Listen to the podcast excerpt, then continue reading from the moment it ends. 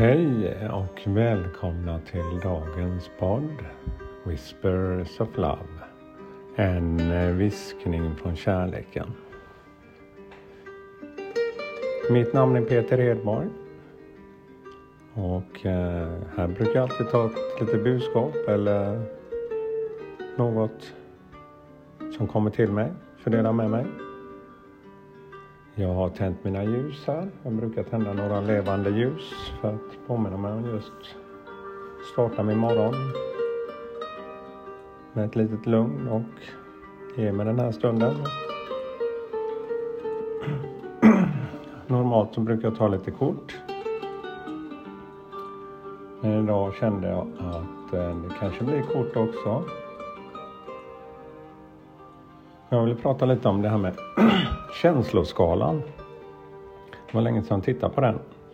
Det finns, eh, om ni inte har sett den tidigare, så är det en kvinna namnet Abraham Hicks som har tagit fram den här skalan och jag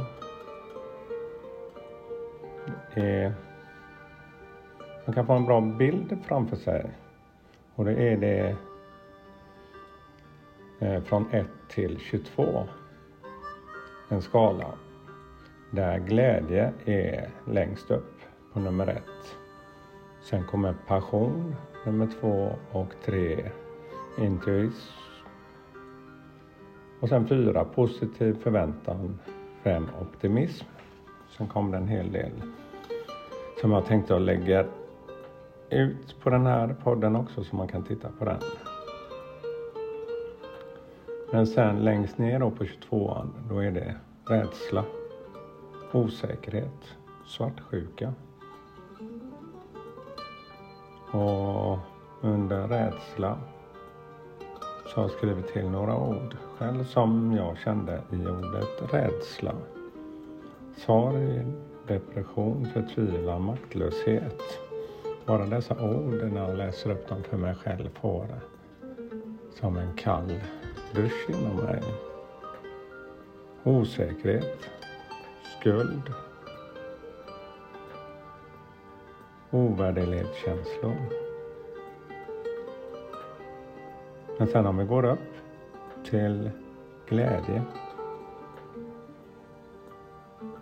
insikt, högre vetande, känner mig kraftfull, frihet, kärlek, uppskattning. Orden där ger ju mig en värme med en gång. Men jag har ju också, precis som energier så rör det sig i en upp och ner. Det är precis som våra känslor. Man brukar ju säga man kan gå i känslor i en berg och dalbana. Men det som jag känner är att man vill ha en mindre högsta och mindre lägsta så att det blir mer balanserat. Det är väl det som jag, för lika väl som hur kärleken och den här glädjen, och ivrigheten kan ta över en.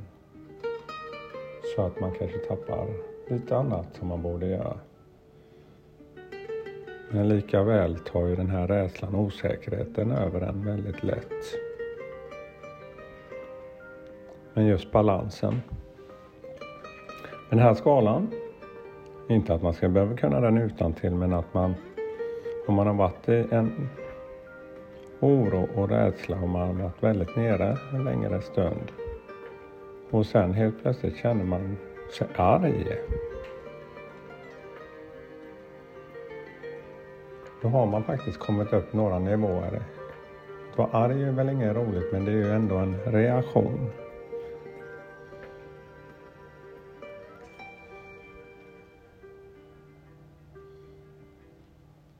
Oro kommer faktiskt längre upp här.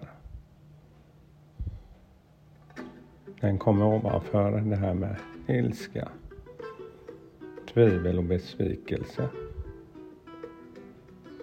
Men just när man hamnar längst ner så är det så lätt att hamna tillbaka där. Men är man i en skön energi en längre stund, med glädje och kärlek, så är man lite mer motståndskraftig till saker som tidigare kanske lätt fick en att falla.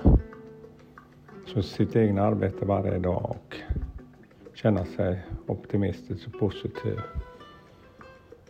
Att man får känna att man får vara kvar där. Det är väl det som är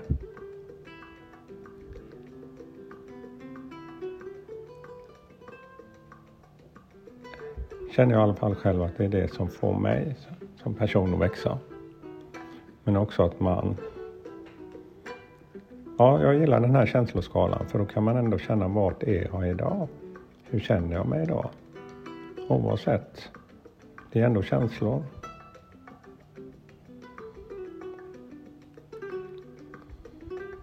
Och är det något man vill dela med sig, om man är arg och ledsen, så vet man ju själv att man påverkar sin omgivning med den energin.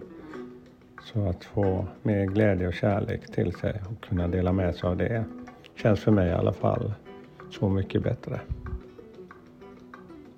Ja, det var lite om känsloskalan. Och jag lägger ut den som sagt under podden.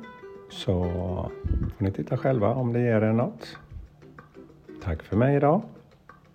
Ha en skön dag. Och all kärlek till er. Hej då.